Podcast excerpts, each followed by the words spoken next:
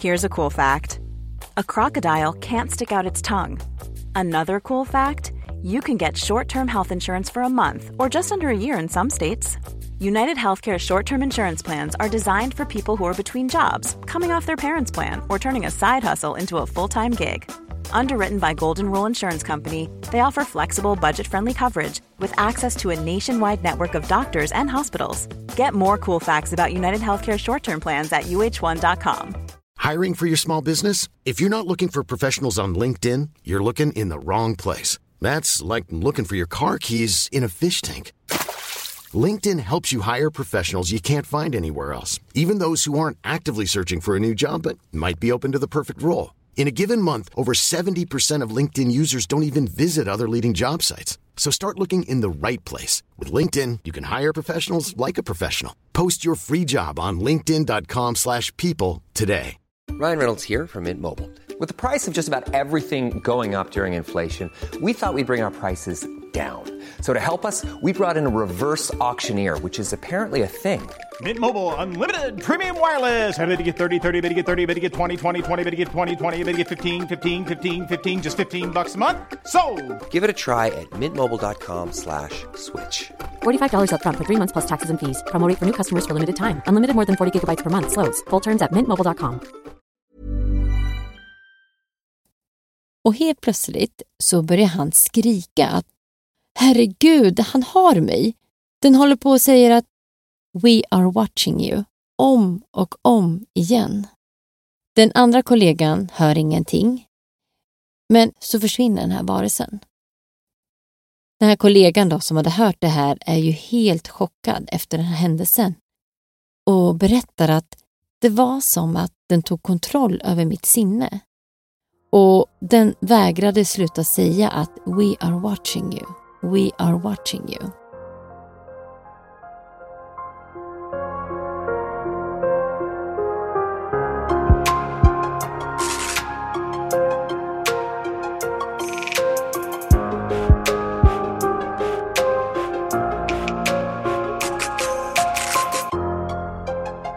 Men då var vi tillbaka! Mm. Ja, men nu är det höstsäsong. Hösten är här. Vi tar fram eh, filtarna, kokar lite te, tänder lite ljus och lyssnar på vad då? Söndagsmysteriet såklart. Såklart. Mhm. Ja, Det enda rätta. det enda rätta. Jag heter ju Ida. Mm, och jag heter Mia. Och det är ju vi som eh, kör Söndagsmysteriet podcast. Och vi körde ju en sommarsäsong tillsammans. Mhm, det gjorde vi. Vår allra första säsong ska tilläggas. Ja.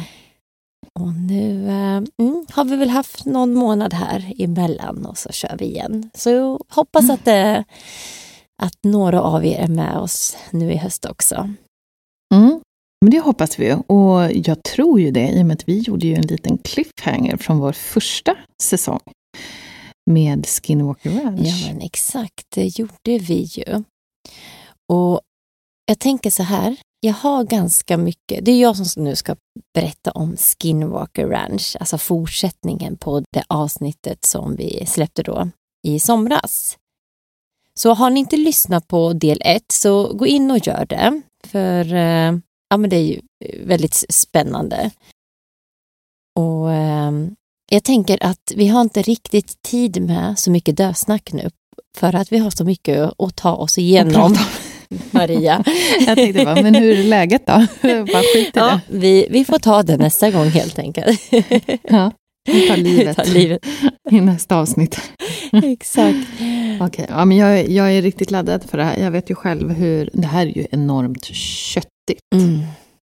Alltså hela Skinwalker Ranch och vad som händer där. Det finns ju otroligt mycket information så det blir ganska svårt att sålla. Men eh, hur som helst så tänker jag att för er då som har lyssnat kanske på det här avsnittet eller för er som inte orkar lyssna på det första så kanske vi kan göra en liten recap av vad som hände på Skinwalker Ranch. Mm. Ja, men jag tänker vi kan ju ta det lite kort i alla fall, vad eh, vi pratade om i del 1. Eh, Skinwalker Ranch, en paranormal hotspot. Och till större del så handlar det egentligen om en familj då som bor på den här ranchen. Och ranchen heter, eller den kallas för Skinwalker Ranch. Och den ligger i nordöstra Utah i USA. Och det här är ju ett område som är känt för ja, men sin höga grad av paranormal aktivitet. Så det händer ju så fruktansvärt mycket i det här området och det är många observationer och rapporter som är gjorda här runt omkring. Och på den här ranchen då, Skinwalker Ranch, den kallas ju så i och med att det finns en gammal legend som tar sig tillbaka till ja, men USAs urbefolkning.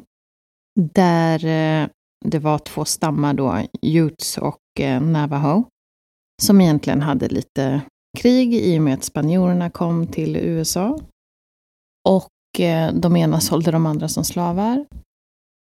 Vilket ledde till då att man la en förbannelse över den här marken.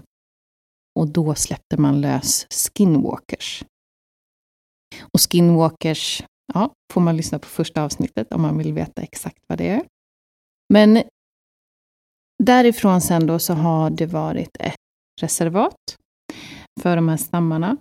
Och tidigt på 1900-tal så blev det här en eh, ranch och man fick ta en bit av den här marken då i det här området till att göra just det. Och det flyttade in en familj.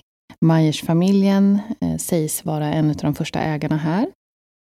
De säljer vidare sina delar av mark till olika personer, men det hela börjar egentligen när familjen Sherman flyttar in 1994.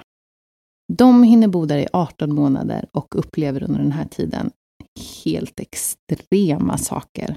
Och det bara eskalerar egentligen vecka efter vecka, dag efter dag. Vad de får vara med om. Det är ju saker som försvinner i deras hem. Det är boskap som försvinner spårlöst. Det är boskap som blir eh, stympade. Och det är saker som de börjar se i luften. Så olika eh, eld eller ljusklot som de ser egentligen närma sig runt omkring. Och där händer ju, de här sakerna händer ju i princip hela tiden och de har ju kontakt med polis och kontakt med grannar och försöker förklara och förstå vad som händer på ranchen. Men när de har tröttnat så pass mycket så inser ju då Terry Sherman att det finns ju ingen annan väg än att faktiskt sälja den här ranchen. För de orkar inte mer. Precis, och det är ju härifrån min historia tar sin början kan man säga. Jag kommer berätta om den här forskargruppen som tar över den här ranchen och vad som händer när de är där. Och även när de i sin tur efter ett antal år säljer vidare till en annan ägare.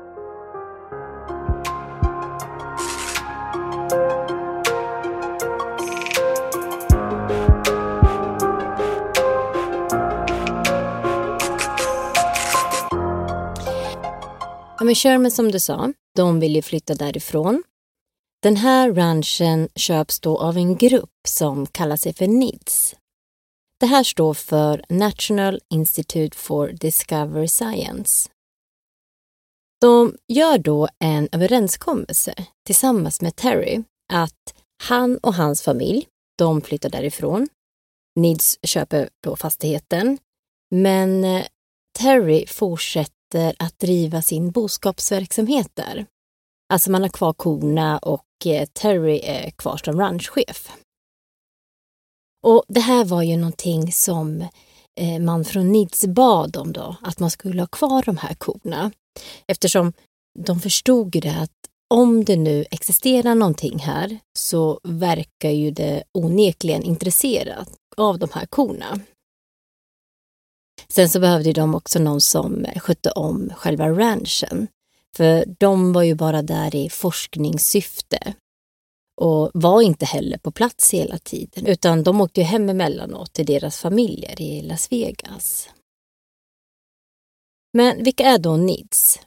Jo, det här är en eh, privat finansierad institution som existerade mellan 1996 till och med 2014.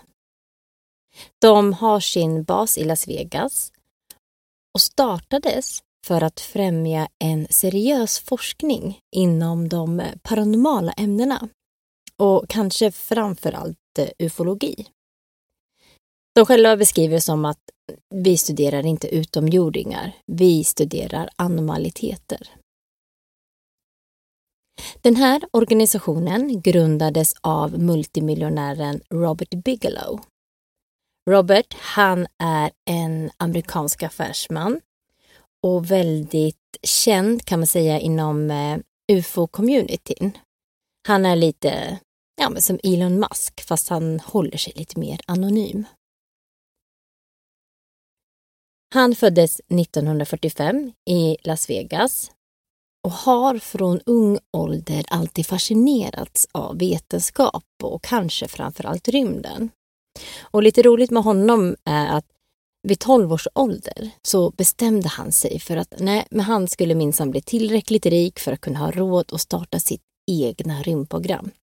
För han vill ju liksom inte bara studera och arbeta inom det här utan han vill ju verkligen bli så rik så han själv kunde bestämma exakt vad som skulle göras. Och det var väl kanske framför allt att studera ufon. Och det var precis vad han gjorde också. För att han började investera i fastigheter och så startade han en hotellkedja som heter Budget Suites of America. Det här gjorde ju honom multimiljonär. Och han kunde då senare grunda Bigelow Aerospace.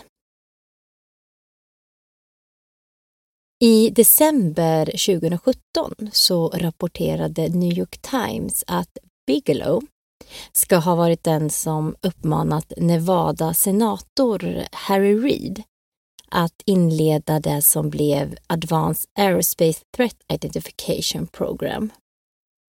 Det här är ett program som startades av USAs regering för att studera ufon. Programmet höll på från 2007 och avslutades 2012. Men många spekulerade ju då i att USA fortsatte att undersöka det här ufo-fenomenet. Och det här bekräftades ju också i juni 2020 när man eh, medgav att man faktiskt studerade militära ufo-observationer i ett program som eh, kallades UAPTF. Och det är ju från de här som vi till exempel har fått se det här kända, den här kända videon från det TikTok-ufot som eh, har florerat på internet. Robert, han gjorde också en intervju i eh, det amerikanska nyhetsmagasinet 60 minutes där han får eh, frågan just vad han tror om ufons existens. Och jag tänker att vi ska lyssna på det. It made for the kind of conversation you don't ordinarily have with an accomplished CEO. Do you believe in aliens? I'm absolutely convinced. That's all there is to it. Do you also believe that UFOs have come to Earth? There has been and is an existing presence, uh, an ET presence. And I spent millions and millions. I probably spent more as an individual than anybody else in the United States has ever spent on this subject. Is it risky for you to say, you know, in public that you believe I in, in UFOs damn. and aliens? I don't care. You don't worry that some people will say, Did you hear that guy? He sounds like he's crazy. I don't care. Why not? It's not going to make a difference. It's not going to change reality of what I know. Do you imagine that in our space travels we will encounter other forms of intelligent life? You don't have to go anywhere. You can find it here. Yeah. Where exactly? It's just like right under people's noses. Oh my gosh. Ja, som ni hör så är ju Bigelow rätt övertygad om att ufon inte bara existerar, utan att de redan har besökt jorden. En annan liten side-note gällande Bigelow så startade han 2020 eh, en studie som skulle forska kring liv efter döden. Han utlyste en belöning på en miljon dollar till den som kunde bevisa att det fanns liv efter döden. Så att eh, om ni vill tjäna lite extra pengar så är det lite tips vad ni kan forska kring. Men tillbaka till Skinwalker Ranch då. Som jag sa så är ju Bigelow grundaren av NIDS som köper den här ranchen för ungefär en och en halv miljoner kronor. Det här NIDS-teamet de består av ett gäng vetenskapsmän. Det finns biologer, det finns kemister, astronomer, fysiker, veterinärer, psykologer. Ja, det är lite allt möjligt helt enkelt. De kommer till ranchen och de eh, sätter upp en arbetsstation där med trailers. De sätter upp övervakningskameror runt hela ranchen. De hyr till och med in före detta militära säkerhetsvakter för att vakta ranchen mot inkräktaren. Och till en början så gör de en hel del tester kring hela området.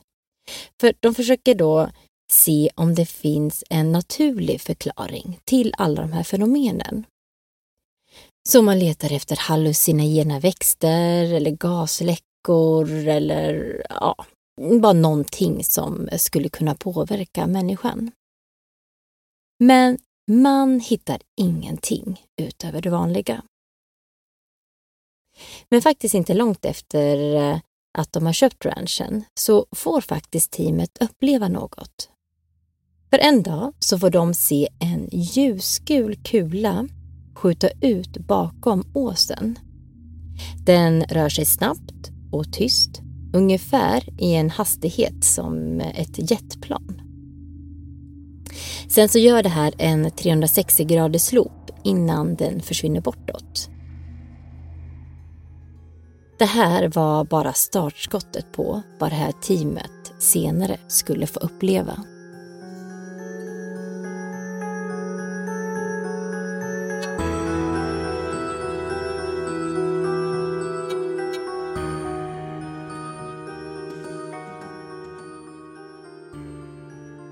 En morgon när det är full snöstorm ute så hittar man tre kalvar med märkliga sår.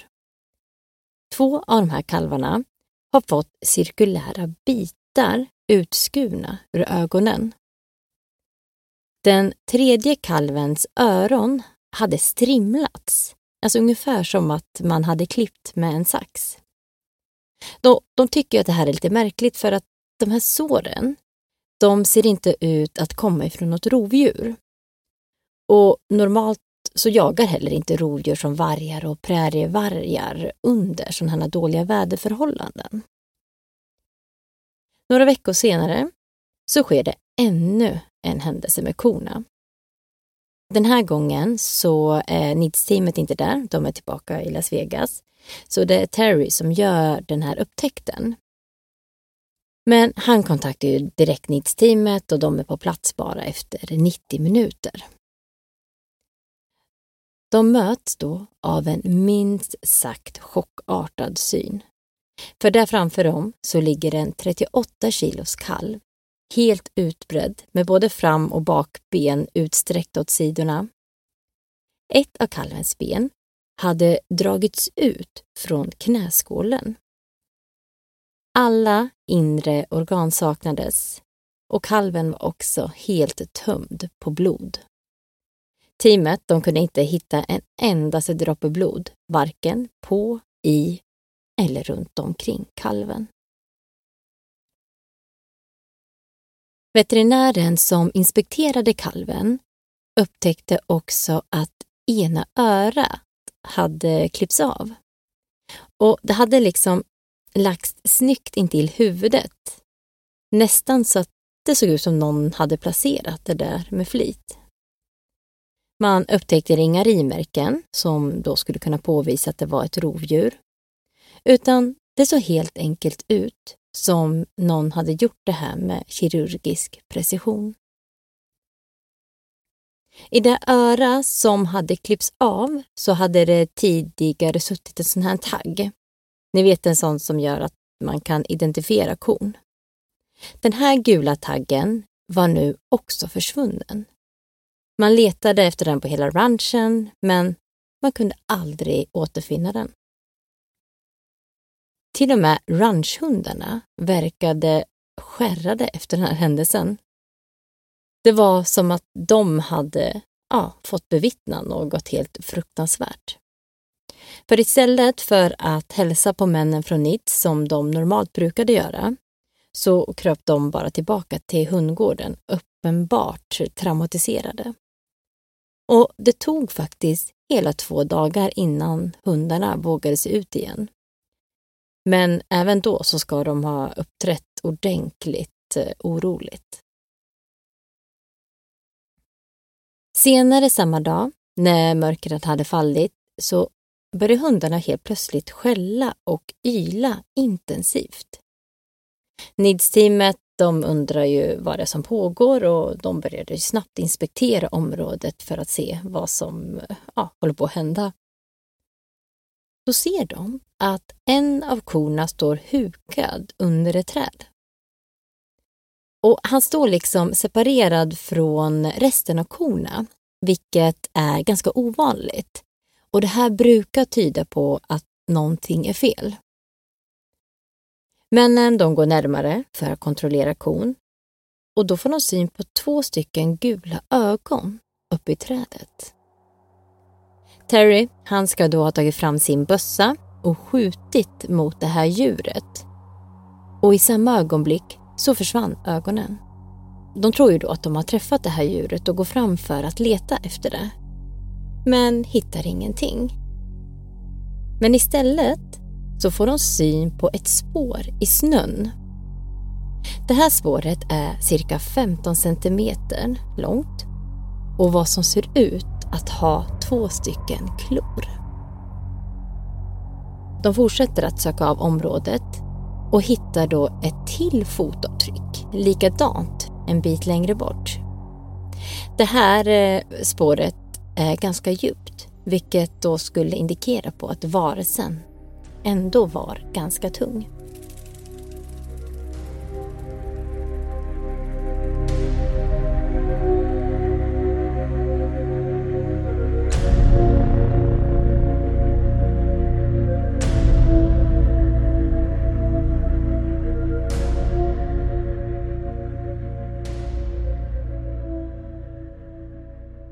Eh, en dag är Gwen också tillbaka på ranchen tillsammans med Terry de håller på att arbeta med någonting när hon säger att eh, trots allt som har hänt så är det i alla fall skönt att inget har hänt våra värdefulla tjurar än. Det här skulle inte hon ha sagt för att det är nästan som att hon ber om det. Som att någon hör henne och vill bevisa något. För inte långt efter så upptäcker de plötsligt en dag att alla fyra tjurar saknas. De letar överallt, eh, på ranchen och i hagarna och runt om, men kan inte hitta dem någonstans. Som en sista utväg så öppnar en av männen en liten boskapsvagn som står placerad nära staketet och finner till sin förvåning att alla tjurar står där inne tätt intryckta. Det kanske ännu mer märkliga var att vagnen var fortfarande låst. Och den hade också som någon slags alltså, tråd eller kedja inlindad kring låset. Och eh, både dörrar och eh, lås var fulla med spindelnät. Så det liksom var nästan som att någon bara hade tagit de här tjurarna och placerat dem inuti utan att alltså, behöva öppna själva dörren. Men helt plötsligt så är det som att de här korna vaknar ifrån något transläge. Och de får ju då panik där inne och så börjar de buffla sig fram och tillbaka. Och, eh, ja, men man får i alla fall till slut ut de här korna därifrån. Efteråt så står man helt chockade för att man kunde liksom inte i sin vildaste fantasi förstå ens hur tjurarna fick plats i det där lilla utrymmet. Och det känns ganska otroligt att tjurarna skulle gå in där självmant, så hur fick någon ens in dem där inne? Teamet då, de börjar ju göra tester runt den här eh, boskapsvagnen och upptäcker i ett av testerna att dörrarna är starkt magnetiserade. De fortsätter mäta det här, de här nivåerna och ser hur värdena sjunker stadigt under en 48 timmars period innan de slutligen då visar noll. De här märkliga magnetiska värdena börjar faktiskt dyka upp lite slumpmässigt på ranchen. Och varje gång ett högt eh, magnetiskt värde eh, avläs så är det som både kor och hundar reagerar på det här. Det var nästan som att de såg eller kände någonting som vi människor inte gjorde.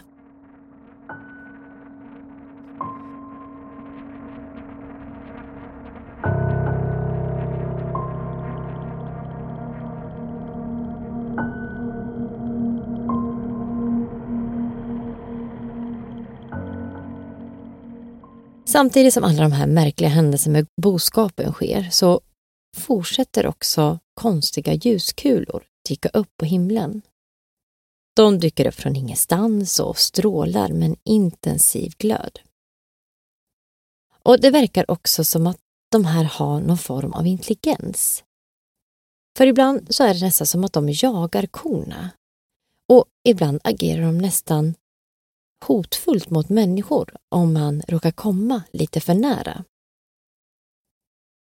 Och teamet säger att i och med att det här verkar ha någon slags intelligens så är det här också väldigt svårt att fånga på film.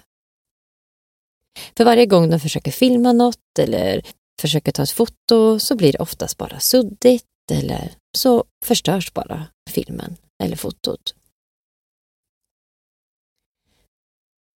En kväll så var två stycken ur NIDS-teamet ute och vandrade omkring på ranchen för att se om de kunde se någonting märkligt eller konstigt. De hade också det som regel att de alltid skulle vara minst två stycken. Så de här männen de vandrar längs en skogsgräns när de får syn på en stor svart varelse längs trädgränsen. Den ena kollegan han bär mörkerglasögon och kan se den här varelsen mer tydligt. Och helt plötsligt så börjar han skrika att Herregud, han har mig.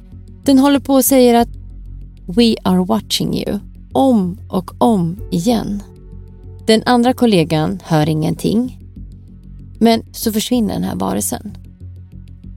Den här kollegan då som hade hört det här är ju helt chockad efter den här händelsen och berättar att det var som att den tog kontroll över mitt sinne. Och den vägrade sluta säga att We are watching you. We are watching you. Alltså, vi ser dig.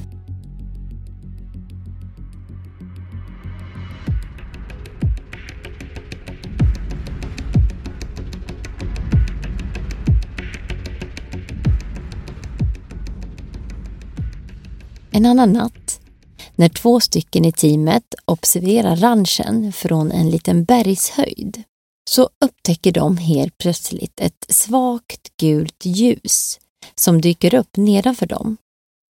En av de här forskarna tar på sig då ett mörkerglasögon och kan nu se det här tydligare. De båda ser hur det här ljuset växer sig större och större. Och eh, han med mörkerglasögon säger att men det här är ju tredimensionellt. Jag ser en slags tunnel. Och ur den här tunneln så kliver en stor svart ansiktslös figur ut på fyra ben och försvinner iväg. Sen börjar det här gula ljuset sakta försvinna tills det helt plötsligt är borta. Och de är ju lite skärrade efter den här liksom upplevelsen men så börjar de inse att men det som nu klev ut ur den här tunneln finns ju här ute i mörkret. De börjar då leta efter spår efter den här varelsen men hittar såklart ingenting. De här entiteterna verkar inte bara vara svårfångade utan också kunniga inom teknik. För teamet de upptäcker flera gånger att kameror som de har satt upp var demonterade eller helt försvunna. Enligt en av forskarna så ska han ha sagt, och jag citerar, det är inte så enkelt att säga att det är IT eller ett flygande tefat som gör det här. Det här är någon form av medvetande. Och det är alltid något nytt och annorlunda. Det är ingenting som upprepas. Han menar då att de kan ju inte använda sina eh, vetenskapliga metoder för att eh, dokumentera det här, för att det är alltid någonting nytt. Det är ingenting som eh, de kan göra om för att trigga det här, utan varenda gång så händer någonting helt nytt, vilket gör det jättesvårt för dem att kunna göra de här vetenskapliga testerna som de var här för att göra. 2016 så känner man till slut att nej men alltså det finns ju inte så mycket mer vi kan göra. Det här leder ju ingenstans. Så man väljer faktiskt till slut att sälja den här ranchen. Och senare så lägger man också ner själva verksamheten NIDS. I flera år så visste man faktiskt inte vem den nya köparen av Skinwalker Ranch var. Men 2020 så avslöjades det i en ny serie som startades på History Channel att den nya ägaren var fastighetsmogulen och techinvesteraren Brandon Fugel.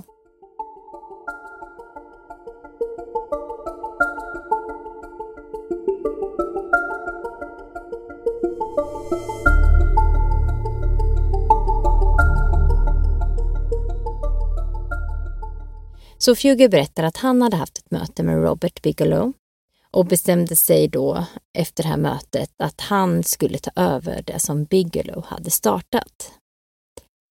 Fugel sa då att han skulle gå in i det här projektet som en skeptiker. Han hade aldrig upplevt någon ufo-händelse eller något paranormalt i sitt liv, men lovade ändå att vara öppensinnad. I det här mötet så ska Bigelow har berättat för Fugel att den här ranchen, alltså Skinwalker Ranch, hade under en tid varit involverat i ett så kallat Black Funded Project som Pentagon hade drivit i fem år. Black Funded Project är ju topphemliga projekt som inte erkänns offentligt av varken regering eller militär. Och pengarna som finansierar de här projekten kallas för svarta budgeten. Och det skulle, skulle tydligen ha spenderats miljontals dollar på det här projektet. Det har också innehållit ett dussin högt uppsatta personer inom militären. Men eh, resultatet av eh, det här projektet eh, höll man sekretessbelagt. Inte ens Fugel fick åtkomst till de här dokumenten, vilket Eh, som han sa gjorde honom ja, men, rätt frustrerad som den nya ägaren. Han ville ju veta allting. Men samtidigt så sa han att, att det triggade honom också eh, att komma dit med ett helt fräscht nytt team och utreda det här och kanske få uppleva något helt otroligt. Eller att avslöja en stor bluff. Om man frågar Brandon Fugel idag om han är en skeptiker eller om han är en troende så svarar han att han är en experiencer, alltså en upplevare. För han säger det att har man varit med om det som jag har varit med om så är det inte längre frågan om om man tror eller inte. För jag vet att det existerar någonting annat där ute. Fugel han anställer då ett team med experter och han går också med på att dokumentera deras arbete i det som kommer att bli den här tv-serien The Curse of Skinwalker Ranch.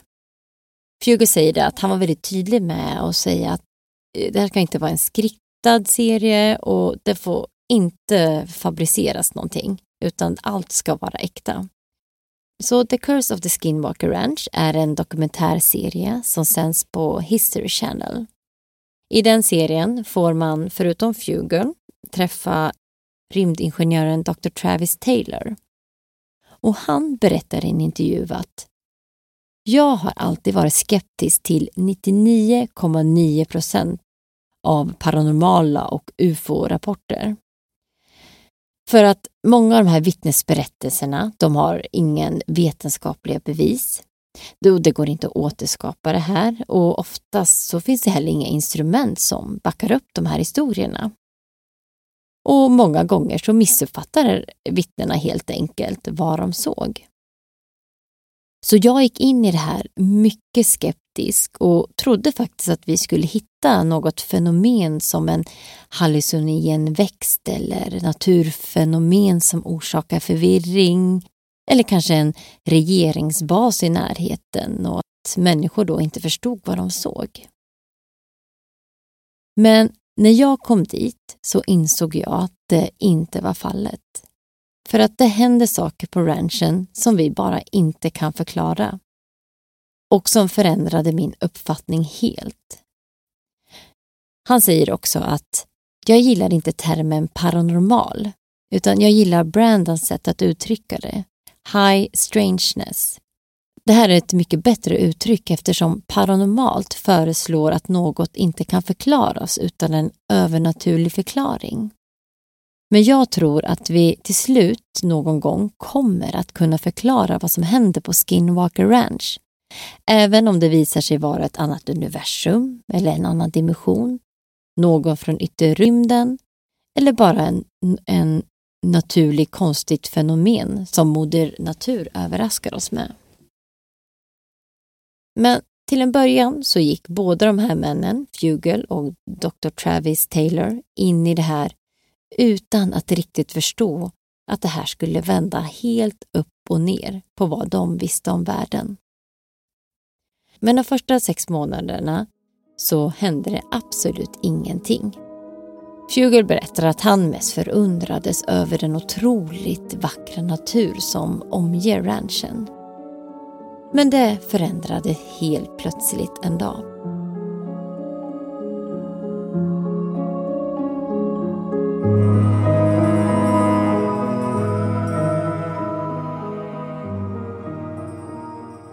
De hade besök av några högt uppsatta män.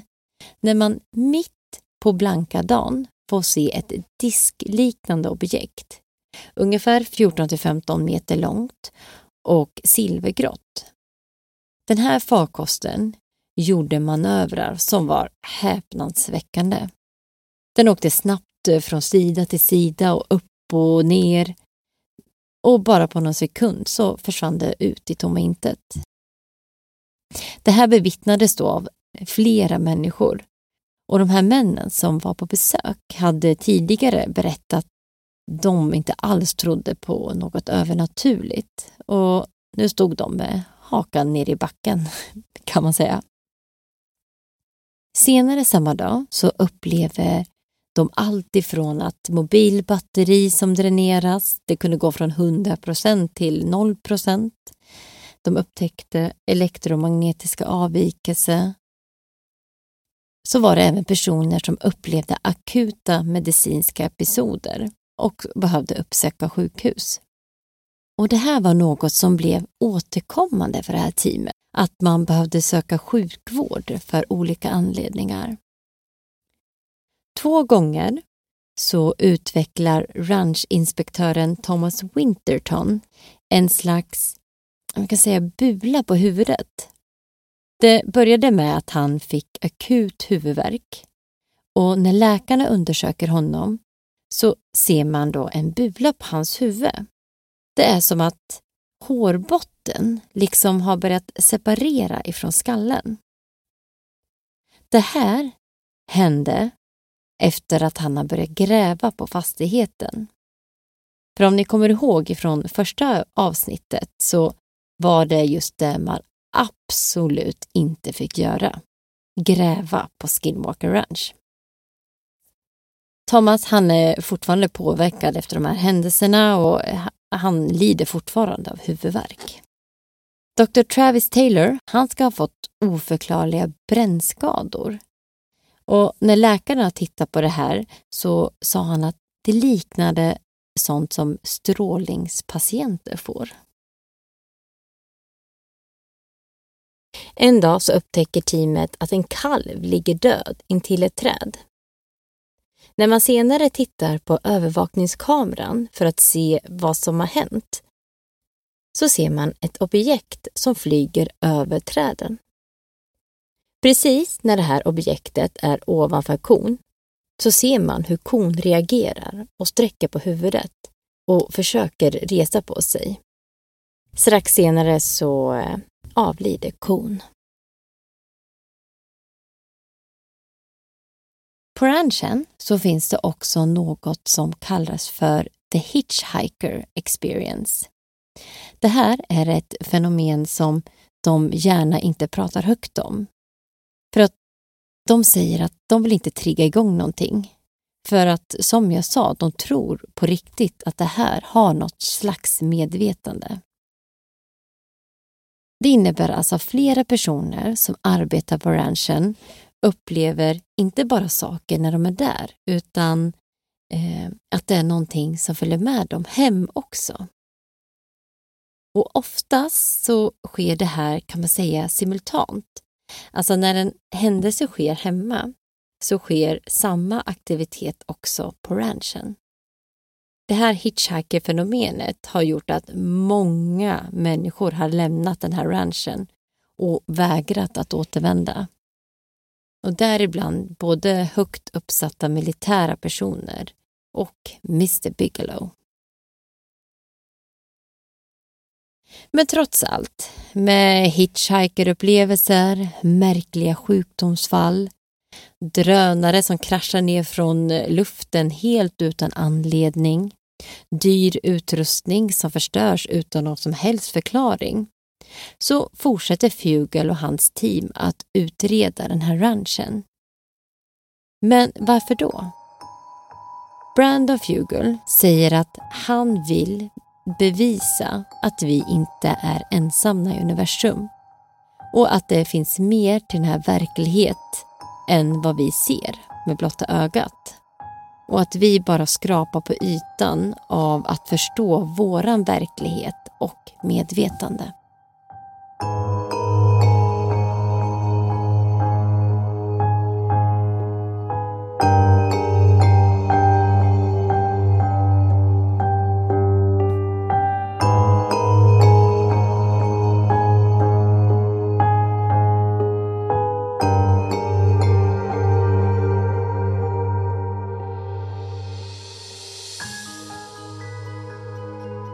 Jag är så glad att vi snart är klara med det här Skinwalker.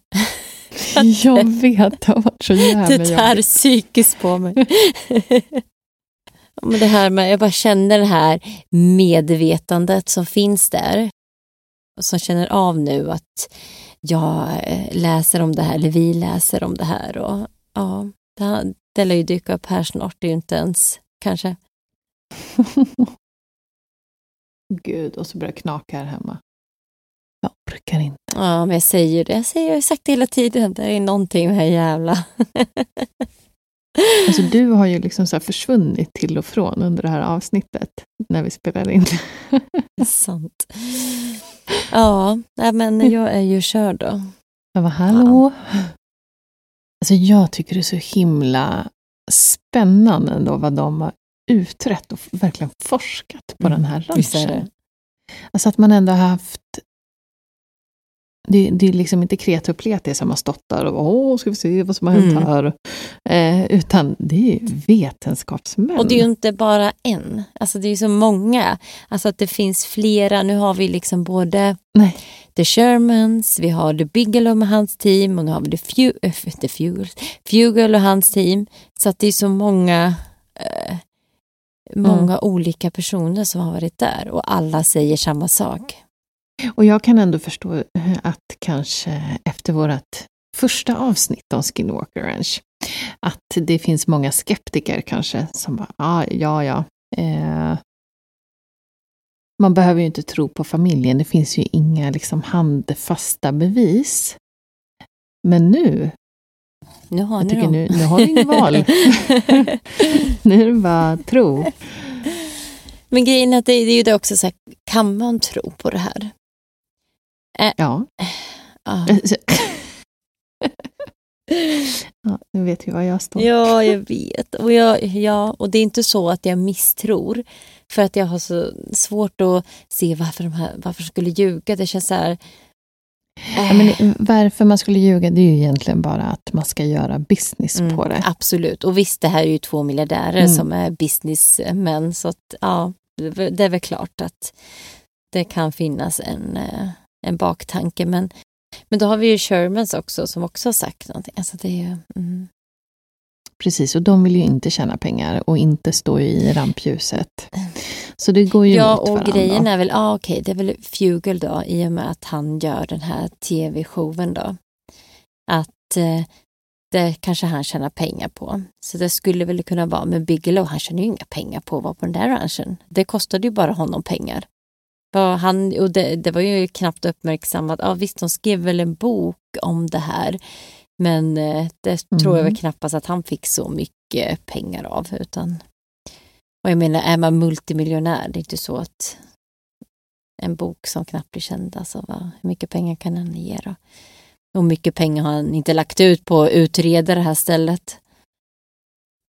Nej, och jag tänker eh, Bigelow, han har ju inte bara varit inblandad i den här ranchen, utan han är ju ganska känd inom, eh, ja, men, inom det här området och har gjort mycket annat. Så att det, det är ju inte bara... Han tror man ju på att han, han gör ju det här av eget intresse. Alltså jag är ändå så imponerad av sådana människor som vid ung ålder stakar ut sin egen väg, framgångsväg och bara ja, jag ska tjäna pengar och så ska jag kunna göra vad jag vill. Fan, har man inte gjort det då? Ja men det var ju det också för att han eh, liksom bara, ja men shit jag kanske inte kan gå inom vetenskap för jag kan inte tillräckligt. Men jag går inom fastigheter, där tjänar man pengar. Jag vill bli rik. Mm. Så kan jag bara köpa mig till allt det här sen. Mm. Det är typ så han gjorde. Ja, Men ja, och smart. bara, jag bara känner den här intervjun som han eh, eh, gjorde då. Det, åh, bara det. Alltså, ju, bara, nej men det, de finns här. Du behöver inte leta. Jag har spenderat miljoner, miljoner, mer än någon annan på det här. Jag tycker det är så jobbigt att tänka just det här att det finns eh, liksom som ett parallellvärld. Då verkar det som att de kan bara knoppa in hos oss när de vill. Ja, men det är liksom. där det verkar som att eh, om det existerar någonting där så känns det ju högst troligt att det är något parallellt universum och de har någon liten portal där. De kan öppna och stänga lite hur de vill och kliva ur och in. Käka lite kor och sen kanske de eh, går tillbaka igen. Nej, men just att den har vad det är som eh, håller på där, att det har någon slags intelligens. Och det har ju alla sagt som har varit där. Att det känns, det pratade ju redan du om det här att den nästan som den lekte med de här hundarna och, eh, och det känns, och då pratar de också om att ja, men så fort de pratar om någonting så är det som att det händer. Och det är därför de inte vill ens prata om det här med hitchhiker-grejen. Alltså de vill inte nämna det fenomenet för då, börjar, då känns det som att då kommer det hända. Så vi bara pratar inte om det, vi håller tyst. Varför pratar vi om det här, känner jag nu. Ja. Stopp. Fan. Jag orkar inte. Ja, nej, usch. Ser ni vad vi gör för er där ute? Fast ni, ni som lyssnar på det här, ni är också körda. Ja, nu, nu är vi rökta Bara att allihopa. ni tänker det så hör de er Mm. tänka det här. Så varsågoda. Eller de, de hör oss prata om det hos er. Jo men de, de känner ju också vad, vad man tänker tänker jag. Ja, men det gör de ju Ja. garanterat. Så bara att ni tänker hitchhiker det. Det liksom finns ingenstans att Mm. gömma sig, känner jag. Men det är skönt att vi är flera i det här då. Vi är inte ensamma. Det känns ju åh, så himla obehagligt ändå, just de här eh, varelserna också på något sätt som de beskriver att de har sett. De kommer som och besöker de här gula ögonen i trädet, spåren i snön och sen så just den här varelsen som kommer ut då, som från jag vet inte, sa du en tunnel eller en värld Mm. eller? Mm. Alltså vad han kunde se, Det var två vetenskapsmän va, som var de hade ju sett det här eh, som ett, eh, ett gult ljus eller ett gult klot. Men när han tog på sig de här mörkerglasögonen då kunde han se lite tydligare det här. Båda såg ju klotet. Mm. Men han som hade mörkerglasögonen kunde ju se då, bara, men, nej men det här är inte bara klot, det är så tredimensionellt och det är, det är som en slags tunnel och sen så såg man då någon kliva ur den här tunneln. Och det tänker jag, då måste det ju vara det som det måste ju finnas lite, undrar om man kan skapa de här portalerna själva eller om de finns liksom utstakade på vissa platser. Jag tänker att de finns. Men det kanske är så, för att Tänk dig då som du också hade i din berättelse, de här djuren springer iväg och man letar efter dem. Det är ju som att de liksom, de kommer en bit och så... Precis, och så bara plötsligt helt borta. Ja, Mm. och det är som de, då har de hoppat in i den här portalen och sen... Mm. Mm. Garanterat. Mm. Undrar om man av misstag skulle kunna gå in i en sån någon gång. Jag vet i alla fall att jag läst en sådana som kanske har gått någonstans och helt plötsligt är de som i en annan tid. Att de ser liksom gammaldags personer. Det är lite som, eh, jag tänker, eh, Perron. I, I det avsnittet så pratar vi om Caroline. Hon gick eh, förbi det här eh, matsalen och helt plötsligt kunde se typ en familj som lagade mat med lite så gammaldags kläder. Men det var ju också nästan som att hon såg i, en portal i en annan Ja. tid. Det är ju återkommande. Mm. Det är ju det. Men sen, eh, jag tycker någonting säger ju också om att det faktiskt är eh, något särskilt på den här platsen är ju att det faktiskt har varit sådana här program då, som USAs regering är inblandad i. Jag vet. Alltså jag kommer inte ihåg prislappen, men eh, jag läste någonstans att det var ju obscen mängd pengar som de egentligen lagt budget på det här. Det är ju helt sjukt. Det är ingen som får veta vad... Ja, det var ju typ så här 22 miljarder. Vad har det resulterat i. Ja. ja, dollar. Liksom. Det, var något, ja, det var ju något sånt här helt grovt. Ja, det var eh, väldigt mycket pengar i alla fall. Som de, eh... Jag tänker, det investerar man ju inte bara i vad som helst. Fugal då, hans team, de är kvar där idag. Mm, det är de. Och de mm. Jag vet inte om de är inne på tredje säsongen kanske, om det här The Curse of Skinwalker Ranch. Ja, är det sant? Men här serien får man ju verkligen. Och, Jag såg något eh, klipp från ett Mm. avsnitt där, där de hade så här drönare som de skulle flyga. De liksom bara slutade fungera. Det var ingenting som fungerade. All deras elektroniska utrustning Mm. bara blev kaputt. och det här hände ju flera gånger. Och de som de hade ju hyrt in liksom sådana drönarexperter. Nej, jag vet inte vad jag kallar dem. Men, men liksom som skötte de här drönarna då, drönarna då. Och de sa att det här har aldrig hänt förut. Jag menar, det här kan liksom typ inte hända ens. Eller ja, kan kan Nej, det, men jag inte och så De här. bytte ju typ batterier och liksom gick fram och tillbaka där på e- egendomen liksom Mm. och testade. Men det var ju liksom ingenting som Så funkade. sjukt alltså. Ja, började blippa i deras liksom så här... äh, Jag vet inte, vad, vad hade de? Någon slags ja, annan utrustning på sig som bara började pipa helt från Mm. ingenstans. Även om de var typ helt urladdade också. Åh, gud vad sjukt alltså. Ja. Skulle du kunna tänka dig att besöka Skinwalker Ranch? Nej. jo. Skulle du det ändå? Alltså på, på i dagsljus. Mm. Ja. Alltså jag skulle aldrig ta mig dit på när Ja, det var mörkt. verkligen. Och er som undrar då så är ju inte det här, det kanske ni redan förstått ur sig, öppet för allmänheten utan det är ju strängt, strikt bevakat och, och han Fugel han sa ju också det liksom att det här gör vi ju, Mm. alltså inte bara för Alltså dels för vår del, för att vi vill inte störa den här forskning liksom som vi bedriver där. Men också för människors säkerhet. Att folk förstår inte vad de ger sig in på. Så Som vill bara gå åka dit. Ja, jag vet. Alla nyfikna människor som drar dit, det är ju folk som gör det ändå. Men de Ja, men jag kan ju tänka mig att det är ganska många. Nej, det är väl som sagt väldigt eh, strikt bevakat det där. Men också det här, men, åh, han som hör, ja, det där, ja, jag tycker det där är typ det äckligaste av allt. Han som då hör det här liksom att eh, we are watching you. Alltså det är typ, jag vet inte, vidrigt. så jävla obehagligt alltså. Åh, Som bara tagit kontroll över liksom eh, sinnet eller tank, ens tankar. Och bara, han måste jag lämna. han måste ju, annars är han ju dum i huvudet. Det kom tillbaka. Han bara, jag pallar inte mer. oh, gud, jag bara ryser bara tänka på det. Nej, det är ju också, Ja, men det är det här man har levt med i några veckor nu. Ja. Man har researchat det här och så Mm. har man ju, alltså, man får ju så mycket besök. den här grejen har jag tänkt på så många gånger. Bara, ah, bara inte någon tar kontroll över mitt huvud nu. Bara, ah. Jävel som kommer och snackar med en liksom. Exakt. Åh, nej. Ser du, nu ber vi om det. Nu ber vi om det. Nu kommer han. Det är som Gwen när hon bad och sa att bara inget händer våra kor eller våra tjurar. Ja. Så vet du, är de där.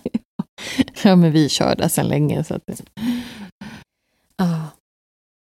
det hade varit kul att hitta om det finns någon annanstans i världen också som verkar ha, ja, men på ett sätt ungefär samma slags, du vet, ja, men höga grad av aktivitet och ja, men sådana här portar eller en annan Jag dimension. hörde på någon, på någon podd de pratade om, eh, vad hette det, typ Star Ranch. Nej, jag vet inte.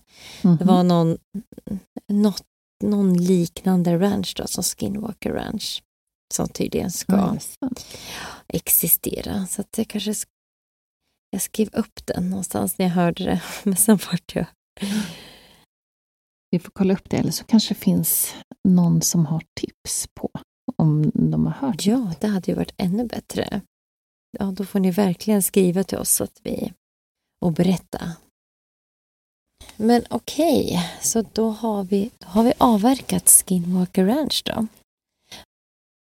Men eh, ja, man får väl fundera lite själv och se vad man landar i och tror har hänt på den här ranchen. Hoppas att ni alla andra blir li lika hemsökta som vi under vårt preppande av det här avsnittet. Och eh, vi kommer ju fortsätta vår höstsäsong nu. Och nu i oktober så är ju det en extra spökmånad och så slutar det ju med halloween. Precis, och vi har ju tänkt nu att vi ska, ja, vi ska ta vara på den här spökmånaden och gå in i, vad säger man, den lite spökigare, spookier. Det var skitläskigt. spökigare, Lite rysligare mode. lite rysligare mode, exakt. Och vi ska, mm, och vi kommer ju beröra ja, lite mer spökigare avsnitt den här halloween-månaden som kommer.